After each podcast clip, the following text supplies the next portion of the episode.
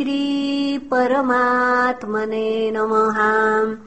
श्रीपद्मपुराणे उत्तरखण्डे श्रीमद्भागवतमाहात्मे अथ द्वितीयोऽध्यायः।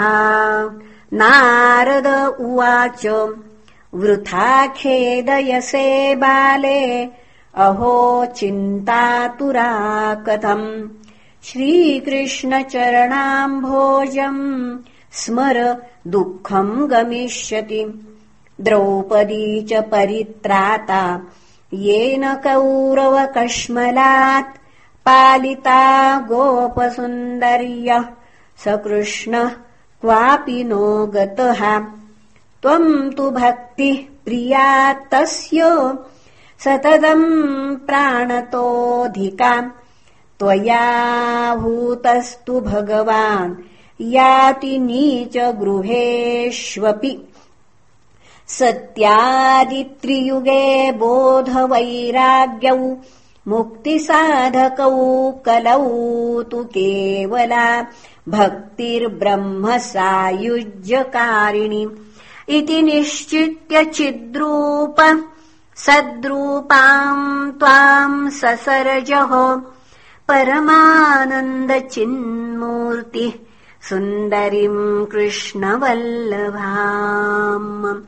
बद्ध्वाञ्जलिम् त्वया पृष्टम् किम् करोमीति चैकदाम् त्वाम् तदा ज्ञापयत्कृष्णो मद्भक्तान् पोषयेति च अङ्गीकृतम् त्वया तद्वै प्रसन्नो भूद्धरिस्तदा मुक्तिम् दासिम् ददौ तुभ्यम् ज्ञानवैराग्यकाविमौ।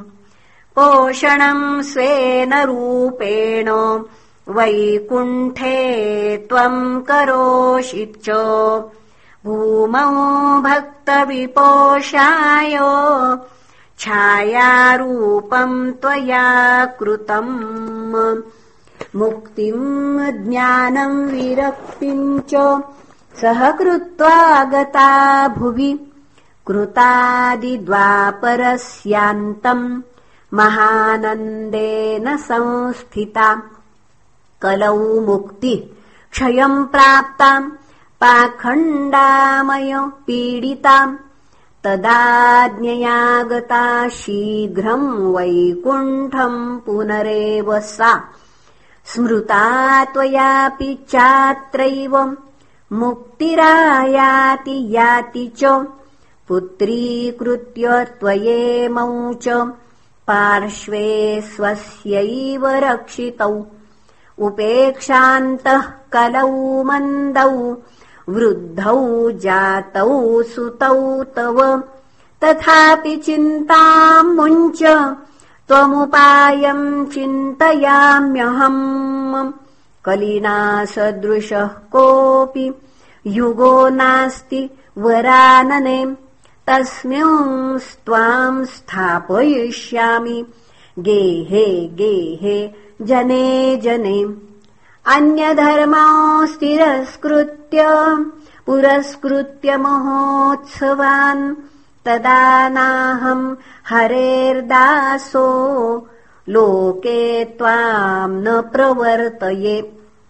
त्वदन्विताश्च ये जीवा भविष्यन्ति कलाविह पापिनोऽपि गमिष्यन्ति निर्भयम् कृष्णमन्दिरम्। येषाम् चित्ते वसेद्भक्ति सर्वदा प्रेमरूपिणी। न ते पश्यन्ति कीनाशम् स्वप्नेऽप्यमलमूर्तयः।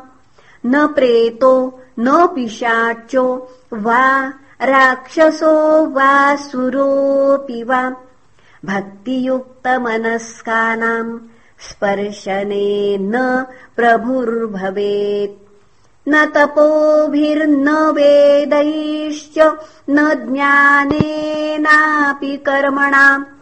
हरिर्हि साध्यते भक्त्या प्रमाणम् तत्र गोपिकाः। नृणाम् जन्मसहस्रेण भक्तौ प्रीतिर्हि जायते। कलौ भक्तिः कलौ भक्तिर्भक्त्या कृष्णः पुरस्थितः। भक्तिद्रोहकरा ये च ते सीदन्ति जगत्त्रये। दुर्वासा दुःखमापन्नः पुरा भक्तविनिन्दकः।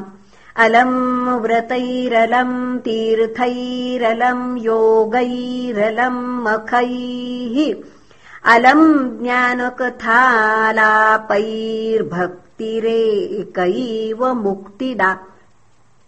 सूत उवाच इति नारदनिर्णीतम् स्वमाहात्म्यम् निशम्य सा। सर्वाङ्गपुष्टिसंयुक्ता नारदम् वाक्यमब्रवीत्। भक्तिरुवाच अहो नारदधन्योऽसि प्रीतिस्ते मयि निश्चला। न कदाचिन्विमुञ्चामि चित्ते स्थास्यामि सर्वदा। कृपालुना त्वया साधो मद्बाधा ध्वंसिता क्षणात् पुत्रयोश्चेतना नास्ति ततो बोधय बोधय सूत उवाच तस्य वच समाकर्ण्य कारुण्यम् नारदो गतः। तयोर्बोधनमारेभे कराग्रेण विमर्दयन्। मुखम् संयोज्य कर्णान्ते शब्दमुच्चैः समुच्चरन्। ज्ञानम् प्रबुध्यताम् शीघ्रम् रे वैराग्य प्रबुध्यताम्। वेदवेदान्तघोषैश्च गीतापाठैर्मुहुर्मुहुः। बोध्यमानौ तदा तेन कथञ्चिच्चोत्थितौ बलात्। नेत्रैरनवलोकन्तौ जृम्भन्तौ सालसाबुभौ। बकवत्पलितौ प्राय शुष्ककाष्ठसमाङ्गकौ क्षुत्क्षामौ तौ निरीक्षैव पुनः स्वापपरायणौ ऋषिश्चिन्तापरो जातः किम् विधेयम् मयेति च। अहो निद्राम् कथम् याति? वृद्धत्वम् च महत्तरम् चिन्तयन्निति गोविन्दम् स्मारयामास भार्गव व्योमवाणी पुनः व्योमवाणी तदैवाभून्मारुषे खिद्यतामिति उद्यमः सफलस्तेयम् भविष्यन्ति न संशयः। एतदर्थम् तु सत्कर्म सुरर्षे त्वम् समाचर। तत्ते कर्माभिधास्यन्ति साधवः साधुभूषणाः। सत्कर्मणि कृते तस्मिन् सनिद्रावृद्धतानयोः गमिष्यति क्षणाद्भक्तिम् सर्वतः प्रसरिष्यति। इत्याकाशवचः स्पष्टम्। तत्सर्वैरपि विश्रुतम्। नारदो विस्मयम् लेभे नेदम् ज्ञातमिति ब्रुवन् नारद उवाच अनयाकाशवाण्यापि गोप्यत्वेन निरूपितम्। किम् वा तत्साधनम् कार्यम्? येन कार्यम् भवेत्तयोः क्व भविष्यन्ति सन्तस्ते? कथम् दास्यन्ति साधनम् मयात्र किम् प्रकर्तव्यम्? यदुक्तम् व्योमभाषया सूत उवाच तत्र द्वावपि संस्थाप्य निर्गतो नारदो मुनिः। तीर्थम् तीर्थम् विनिष्क्रम्य पृच्छन्मार्गे मुनीश्वरान्।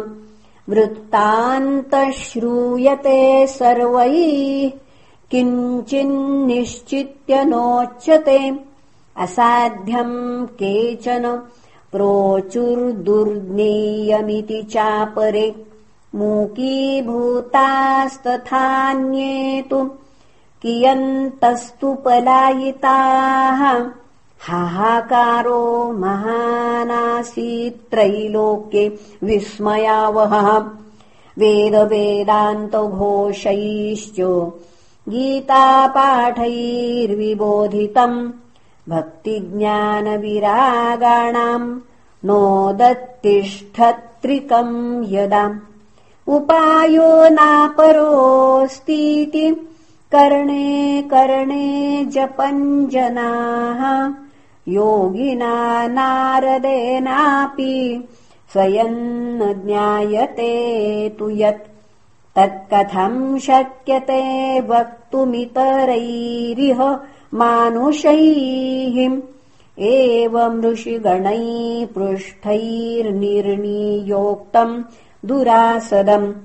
ततश्चिन्तातुरसोऽथ बदरीवनमागतः। तपश्चरामि चात्रेति तदर्थम् कृतनिश्चयः तावद्ददर्श पुरतः सनकादिन्मुनीश्वरान् कोटिसूर्यसमाभासानुवाच मुनिसत्तमः नारद उवाच इदानीम् भूरिभाग्येन भवद्भिः सङ्गमो भवत्। कुमारा ब्रुवताम् शीघ्रम् कृपाम् कृत्वा ममोपरि भवन्तो योगिनः सर्वे बुद्धिमन्तो बहुश्रुताः। पञ्चहायनसंयुक्ताः पूर्वेषामपि पूर्वजाः। सदा वैकुण्ठनिलया हरिकीर्तनतत्पराः। लीलामृतरसोन्मत्ताः कथामात्रैकजीविनः हरिः शरणमेवम् हि नित्यम् येषाम् मुखे वचः। अतः कालसमाविष्टा जरायुष्मान्न बाधते। येषाम् भ्रूभङ्गमात्रेण द्वारपालौ हरेः पुरा। भूमौ निपतितौ सद्यो। यत्कृपातः पुरङ्गतौ अहोभाग्यस्य योगेन दर्शनम् भवतामिहम्। अनुग्रहस्तु कर्तव्यो मयि दीने दयापरैः। अशरीरगिरोक्तम् यत्तत्किम् साधनमुच्यताम्। अनुष्ठेयम् कथम् तावत् प्रब्रुवन्तु सविस्तरम् भक्तिज्ञानविरागाणाम् सुखमुत्पद्यते कथम् स्थापनम् सर्ववर्णेषु प्रेमपूर्वम् प्रयत्नतः। कुमारा ऊचुः मा चिन्ताम् कुरु देवर्षे हर्षम् चित्ते समावह उपायः सुखसाध्योऽत्र वर्तते पूर्व एव हि अहो नारदधन्योऽसि विरक्तानाम् शिरोमणिः। सदा श्रीकृष्णदासानाम् अग्रणीयोर्ग भास्करः। त्वयि चित्रम् न मन्तव्यम् भक्त्यर्थमनुवर्तिनि। घटते कृष्णदासस्य। भक्ते संस्थापना सदा ऋषिभिर्बहवो लोके पन्थानः प्रकटीकृताः। श्रमसाध्याश्च ते सर्वे प्रायः स्वर्गफलप्रदाः। वैकुण्ठसाधकः पन्थाः। स तु भोगोप्यो हि वर्तते।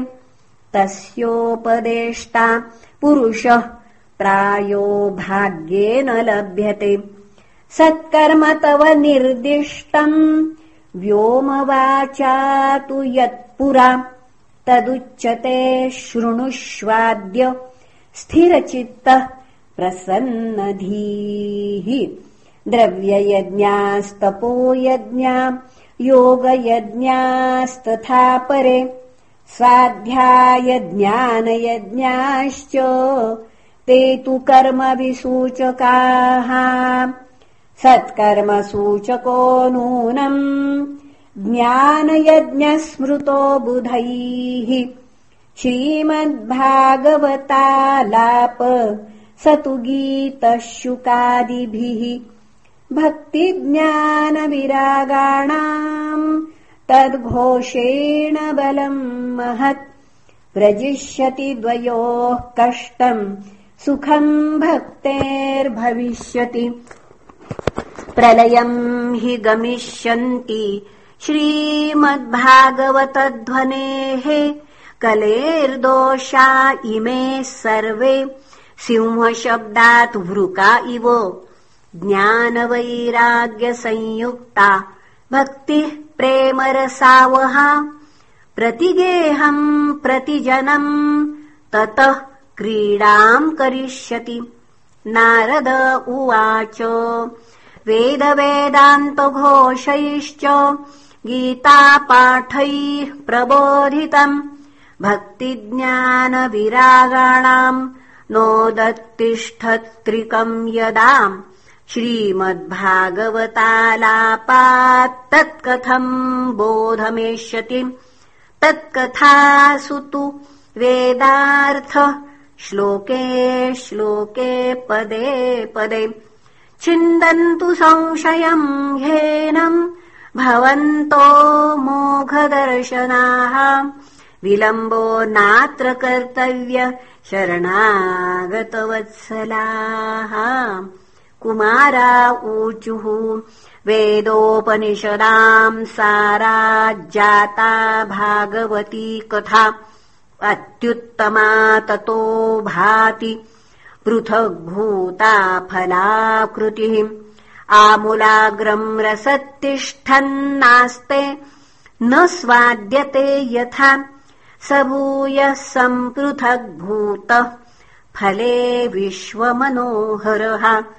यथा दुग्धे स्थितम् सर्पिर्न स्वादायोपकल्पते पृथग्भूतम् हि तद्गव्यम् देवानाम् रसवर्धनम् इक्षूणामपि मध्यान्तम् शर्करा व्याप्य तिष्ठति पृथग्भूता च सामिष्टा। तथा भागवती कथा। इदम् भागवतम् नाम पुराणम् ब्रह्मसम्मितम् भक्तिज्ञानविरागाणाम् स्थापनाय प्रकाशितम् वेदान्तवेदसुस्नाते गीताया अपि कर्तरि। परितापवति व्यासे मुह्यत्यज्ञानसागरे। तदा त्वया पुरा प्रोक्तम् चतुश्लोकसमन्वितम् तदीयश्रवणात् सद्यो निर्बाधो बादरायणः तत्र ते विस्मयः केन यतः प्रश्नकरो भवान्। श्रीमद्भागवतम् श्राव्यम् शोकदुःखविनाशनम्। नारद उवाच यद्दर्शनम् च विनिहन्त्यशुभानि सद्य श्रेयस्तनोति भवदुःखदवार्दितानाम् निःशेषशेषमुखगीत कथैकपानाः। प्रेमप्रकाशकृतये शरणम् गतोऽस्मि। भाग्योदयेन बहुजन्मसमर्जितेन सत्सङ्गमम् च लभते। पुरुषो यदा वै अज्ञानहेतुकृत मोहमदान्धकारनाशम् विधाय हि तदोदयते विवेकः।